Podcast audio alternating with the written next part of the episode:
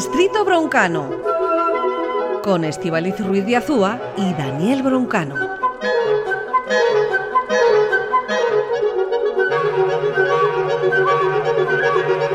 Daniel Broncano. Estivaliz, ¿qué tal? Bueno, aquí estamos, clarinetista, especialista en música clásica. Vamos con ese curso de musicología y organología aplicada, curso por fascículos. Hoy descubrimos, si te parece, Daniel, los secretos de nuestro amigo el fagot.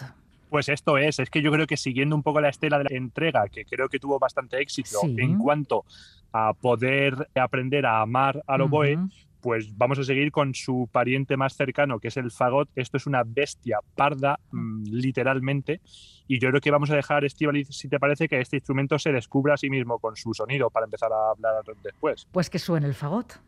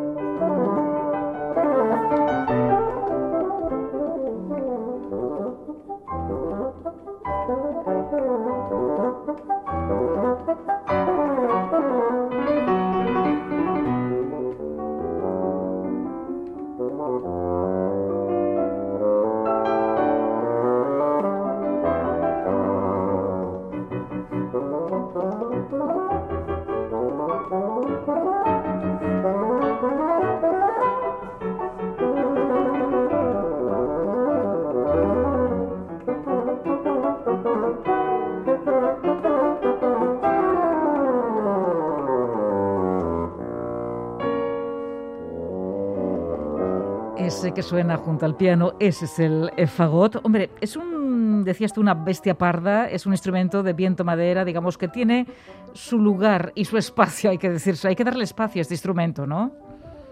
Totalmente. Su espacio natural en la orquesta es en la fila de atrás de los vientos madera, al lado del clarinete, o sea que es mi vecino más habitual.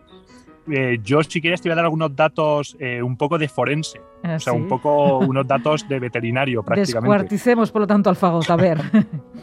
Vamos a ver, eh, imaginémonos dos metros y medio de tubo. claro, justo por esto tiene que dar como una vuelta y entonces este nombre fagot viene del italiano fagotto, que es, tiene que ver con nudo, con nudo de, madera. Te voy a dar más datos, más datos veterinarios. Eh, llega a tres octavas y media, o sea, esto es do al siguiente do al siguiente do hasta el sol, es un instrumento con un rango enorme. Un dato curioso es que tiene el, eh, el pulgar izquierdo del fagotista, tiene que accionar 12 llaves, Estivaliz, 12 llaves. Hay que ser un virtuoso. Claro, o sea, esto fíjate, para los que ya nos liamos para escribir mensajes de texto con el pulgar, imagínate que a la velocidad que estaba tocando aquí Dervaux, 12 eh, llaves con el pulgar. Hay un pulgar del fagot que esto es una barbaridad. Pesa 7 kilos. Eh, pero es que te voy a dar los datos que ahora mm, me van a llevar a la siguiente parte.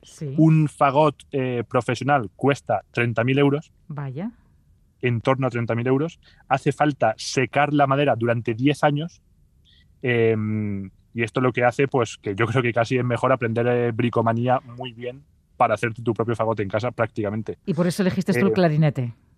Claro, es que el clarinete realmente, y le pasa parecido a la flauta, son instrumentos un poco más eh, industriales en su fabricación, sobre todo el clarinete que surgió después y, ya empezó, bueno, surgió en un momento más industrial de la, de la historia, a finales del siglo XVIII. El fagot mantiene esa parte artesanal que hay, hay instrumentistas que se tiran años a la espera de que su fabricante favorito eh, consiga hacerle su, fagot. ¿Y desde cuándo está el fagot en la, decías, eh, desde cuándo está el fagot en las, en las orquestas? ¿Qué, historia tiene por detrás? ¿Cuándo lo vemos por primera vez? Siglos. Es realmente un instrumento realmente antiguo, o sea, que viene de la familia de las dulzainas, las chirimias, los oboes, eh, organológicamente. ahora hablaremos después sobre la caña, que es una caña doble como la del oboe, pero si quieres escuchamos, bueno, pues música de los primeros momentos del fagot, eh, un concierto para fagot de Vivaldi, si quieres. Venga, vamos con él. Adelante.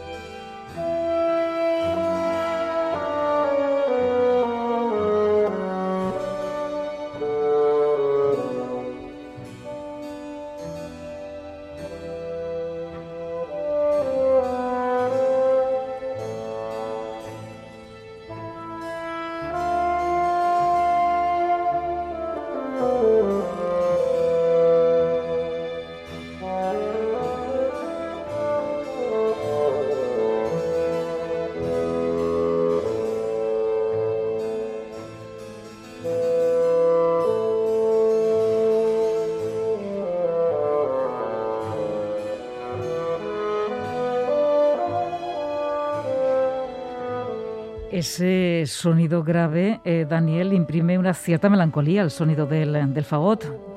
Es que es así, es muy conmovedor, muy nostálgico y eh, viene, bueno, pues mucha de la música que se escribe para fagot explota esa cualidad, ¿no?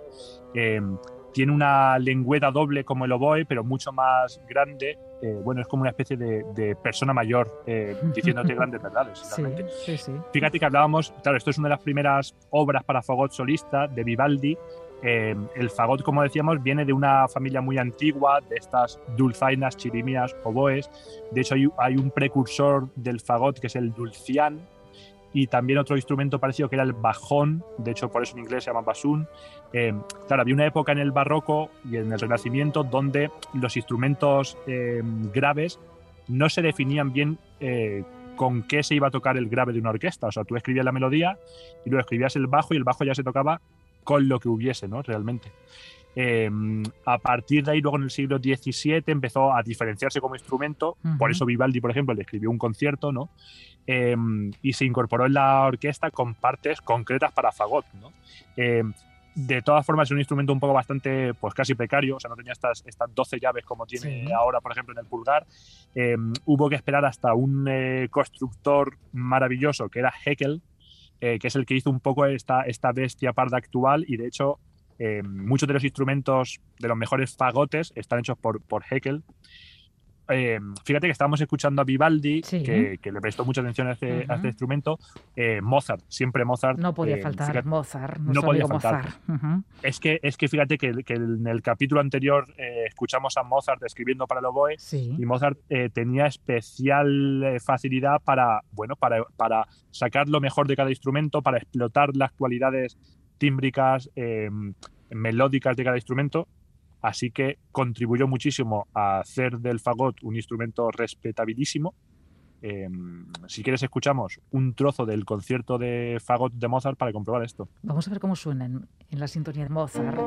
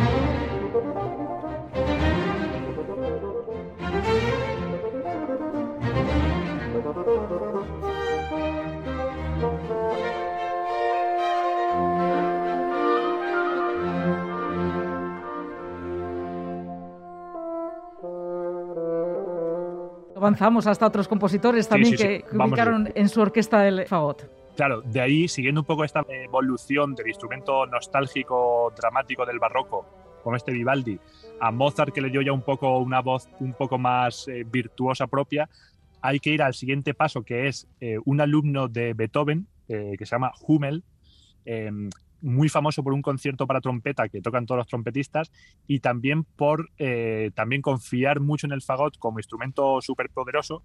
Él hizo una obra, un concierto para fagot y orquesta, en el que confiaba que un fagot podía ser un gran instrumentista, un pequeño Paganini. Eh, esto es a principios del siglo XIX, cuando se componían estas obras para el lucimiento de un instrumentista individual. Así que Hummel fue el primero que hizo un concierto para que el fagot demostrase pues todas las capacidades y todas las notas que puede dar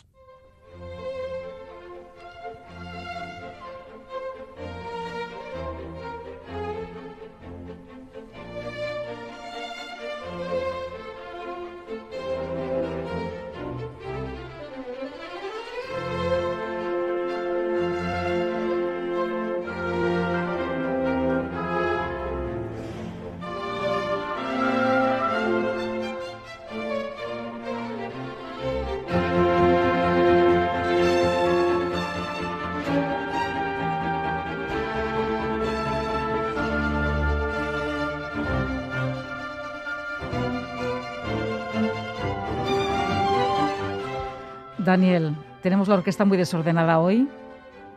Tenemos la orquesta eh, haciendo la introducción para el fagot que ahora escucharemos. Eh, si quieres hablamos mientras que entra el fagot, te voy a contar eh, sobre las cañas del fagot. Es que Estivaliz, estaba pensando que hablando del oboe, no hablamos que tanto los oboístas como los fagotistas tienen como una carpintería en casa. Claro, esto es complicado, ¿no? Porque es que hay que. vosotros, digamos que fabricáis también esas cañas. Lo primero, ¿qué es una caña para tocar un instrumento? Una caña es una pequeña tabla eh, muy fina de madera, la cual eh, vibra em, como un elemento eh, dionisiaco cuando el instrumentista sopla sobre ella. Es como las cuerdas de una guitarra, es como las cuerdas de un violín, es como las cuerdas vocales, ¿no? Es ese elemento que, hace vibrar al resto. Entonces, en el clarinete somos unos vagos y las compramos ya hechas. Los oboístas y los fagotes, que requieren mucha más personalización, son gente delicada. vale. Sí, sí, es que montan una carpintería en su casa y se tiran su vida haciendo eh, cañas, se tiran su vida mm, muy irascibles, muy irascibles porque es muy difícil hacer buenas cañas, requiere de altas habilidades manuales y de mm, manejo de la madera, eh, tienen instrumentos de alta precisión, esto es de verdad, eh, tienen navajas, son grandes artesanos, ya entra el fagot, lo tenemos aquí. A ver, venga. Mírala.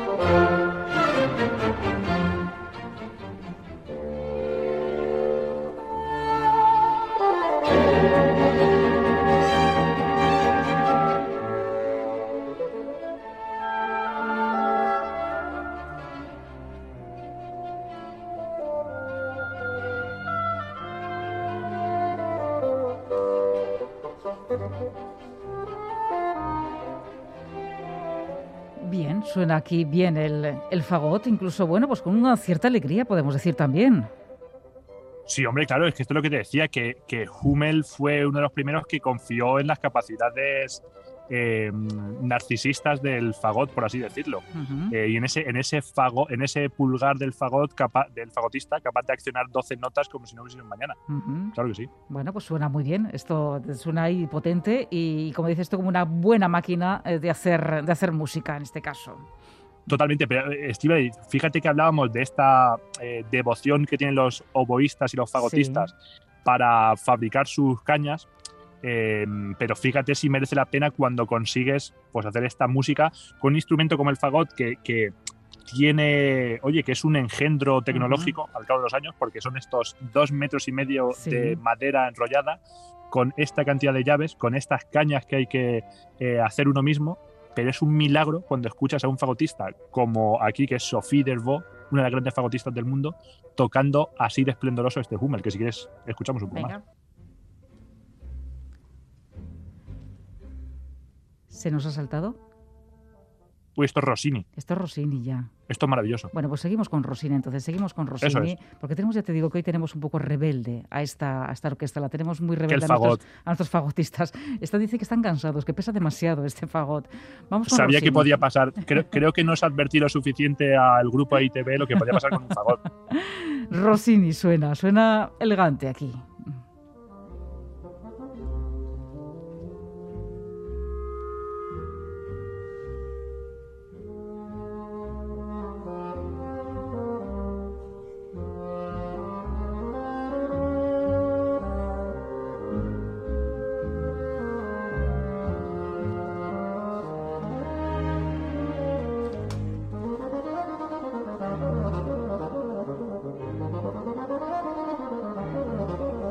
Este decías, Daniel, que es Rossini.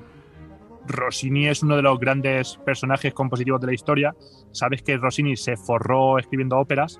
Eh, fue de esos compositores que ha sido muy, muy, muy, muy rico. Eh, que con cuarenta y pico años decidió jubilarse y dedicar a, dedicarse a cocinar para sus amigos. Eh, él era un genio total de las melodías de ópera y de todos estos artilugios para componer bien. Eh, entre tanto, hizo algunas pequeñas obritas instrumentales, como este eh, Sinfonía Concertante para Fagot. Em, pero que esto, esto Rossini lo hacía en un rato. O sea, esto a lo mejor es lo que uno Se de cogía media tarde y decía, venga, voy a hacer una, una obrita aquí. No creo que llegue a media tarde. O sea, esto realmente es en, algún rato de estos muertos que se te quedan cuando eh, de espera a lo mejor del dentista, él ya había compuesto esta obra. ese era su talento, ¿eh? Mira, mira, mira, mira.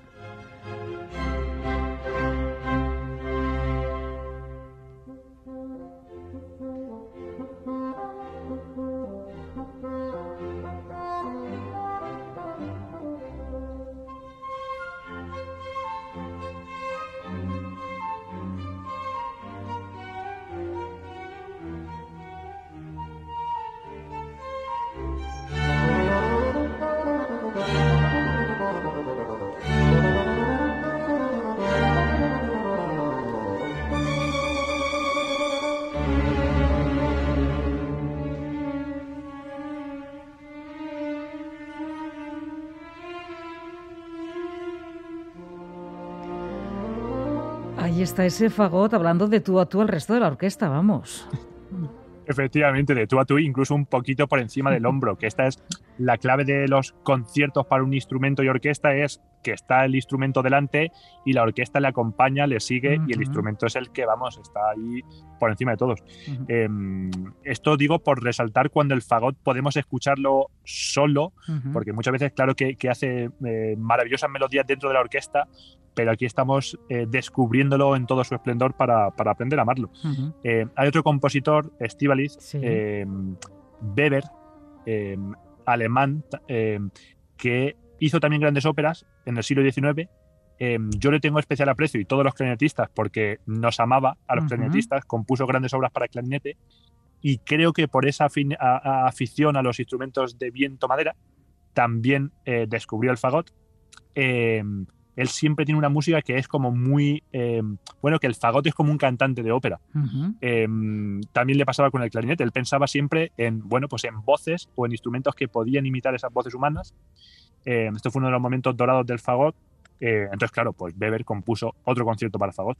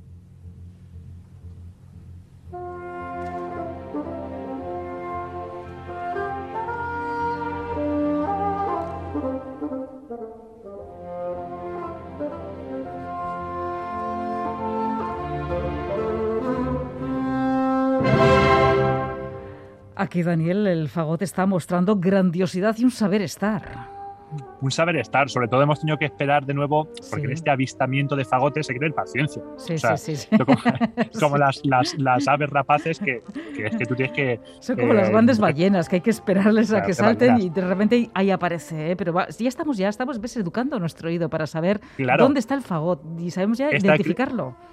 Totalmente, y además esto creo que es uno de los valores de estos cursos de musicología y organología aplicada, que sea también la formación de la paciencia, porque para avistar estos instrumentos, pues eso, hay que tener un saber estar como el fagot. Bueno, aquí tenemos a Weber, que decías que era uno de los grandes, que lo más los clarinetistas, porque se preocupó también mucho de estos. También imagino que los eh, que se dedican al mundo del fagot también lo adoran, porque también dedico obras para ellos. Pero tenemos también grandes intérpretes en esto del mundo del fagot total. Eh, por ejemplo, está Klaus Tunemann, eh, que hemos eh, escuchado en la grabación, era de Rossini, Sergio Acciolini, grandísimo fagotista.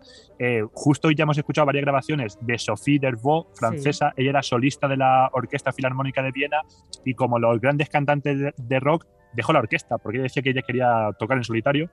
Mira, justo la primera pieza que hemos escuchado era una parte de la sonata para fagot de Saint-Saëns, y ahora vamos a escuchar la primera parte, el primer movimiento, que para mí es una de las obras más bonitas que se han escrito nunca. O sea, es que esto de verdad es una belleza total. Em, verás lo eh, bueno, lo melódico que es, el ambiente que crea el fagot de Sophie Dervaux acompañado al piano. A ver.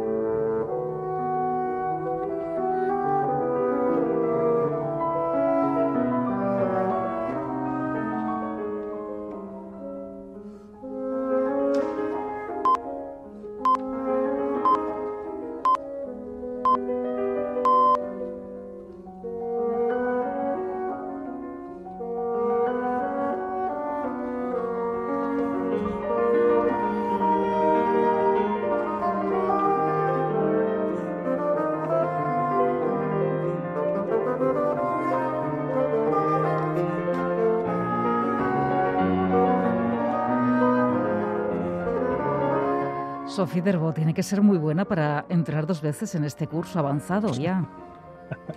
Sí, es que creo que la vamos a hacer profesora invitada a Sofía Derbo. Eh, es que es una maravilla, Estivaliz, pero es que mira, mira cómo suena, es, una maravilla, ¿no? Sí, sí, sí, no lo, no lo pongo ni en duda, ¿eh? Mira, escúchala.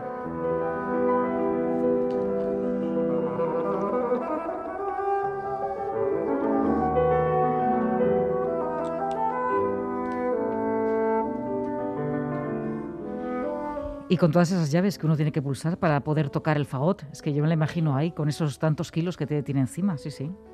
Total, eh, fíjate que a veces, claro, se, se, escucha un poco en los instrumentos de viento, se, de viento, se escucha cómo se accionan estas llaves, claro. Uh fíjate que con el oboe hablábamos de el cuento musical Pedro y el Lobo de Prokofiev, el oboe era el pato, em, el fagot es el abuelo en ese cuento musical. Claro, porque em, decíamos antes, ese señor mayor que nos dice grandes verdades, ¿no? Grandes verdades y que a veces puede ser un poco gruñón. Eh, a mí me gustaría empaquetar esta sección no con Pedro y el Lobo, porque, bueno, es un poco por salir un poco del tópico de Pedro y el Lobo, eh, hay otra, otra obra eh, que incluye al fagot, que también es un poco un cuento musical, tiene una, una narrativa detrás, que es el dúo concertino de Richard Strauss para clarinete y fagot, y entonces él lo que escribía Strauss era que el clarinete era la bella y el mm. fagot era la bestia. Em, esto yo como clarinetista pues me encanta un poco ese, ese juego de roles con el, con el fagot. Em, y bueno, espero que este esta segunda entrega del curso haya servido para aprender a amar un poco más al fagot. No sé si en ti ha cambiado algo, Estivali. Está cambiando. Yo estoy ya sabiendo identificar por lo menos los instrumentos, que ya es bastante, Daniel. ¿eh? Eh, con este curso por fascículos, como decimos, ese curso de musicología y organología aplicada, eh, segundo capítulo, segundo fascículo dedicado al fagot, nos quedamos precisamente con él. ¿Te parece, Daniel? Nos quedamos con él. Además es un curso, claro, que además priva del componente visual, que es lo suyo para avistar instrumentos con el oído, que es lo mejor. A veces nos ha costado, pero porque estaba la orquesta un poco, mm, está un poco rebelde, pero ahí los hemos visto y los hemos avistado. Bueno, pues con ello nos quedamos, eh, Daniel Broncano. Es que ricasco por acompañarnos. Es que ricasco y un besazo, Estivaliz. Agur. Agur.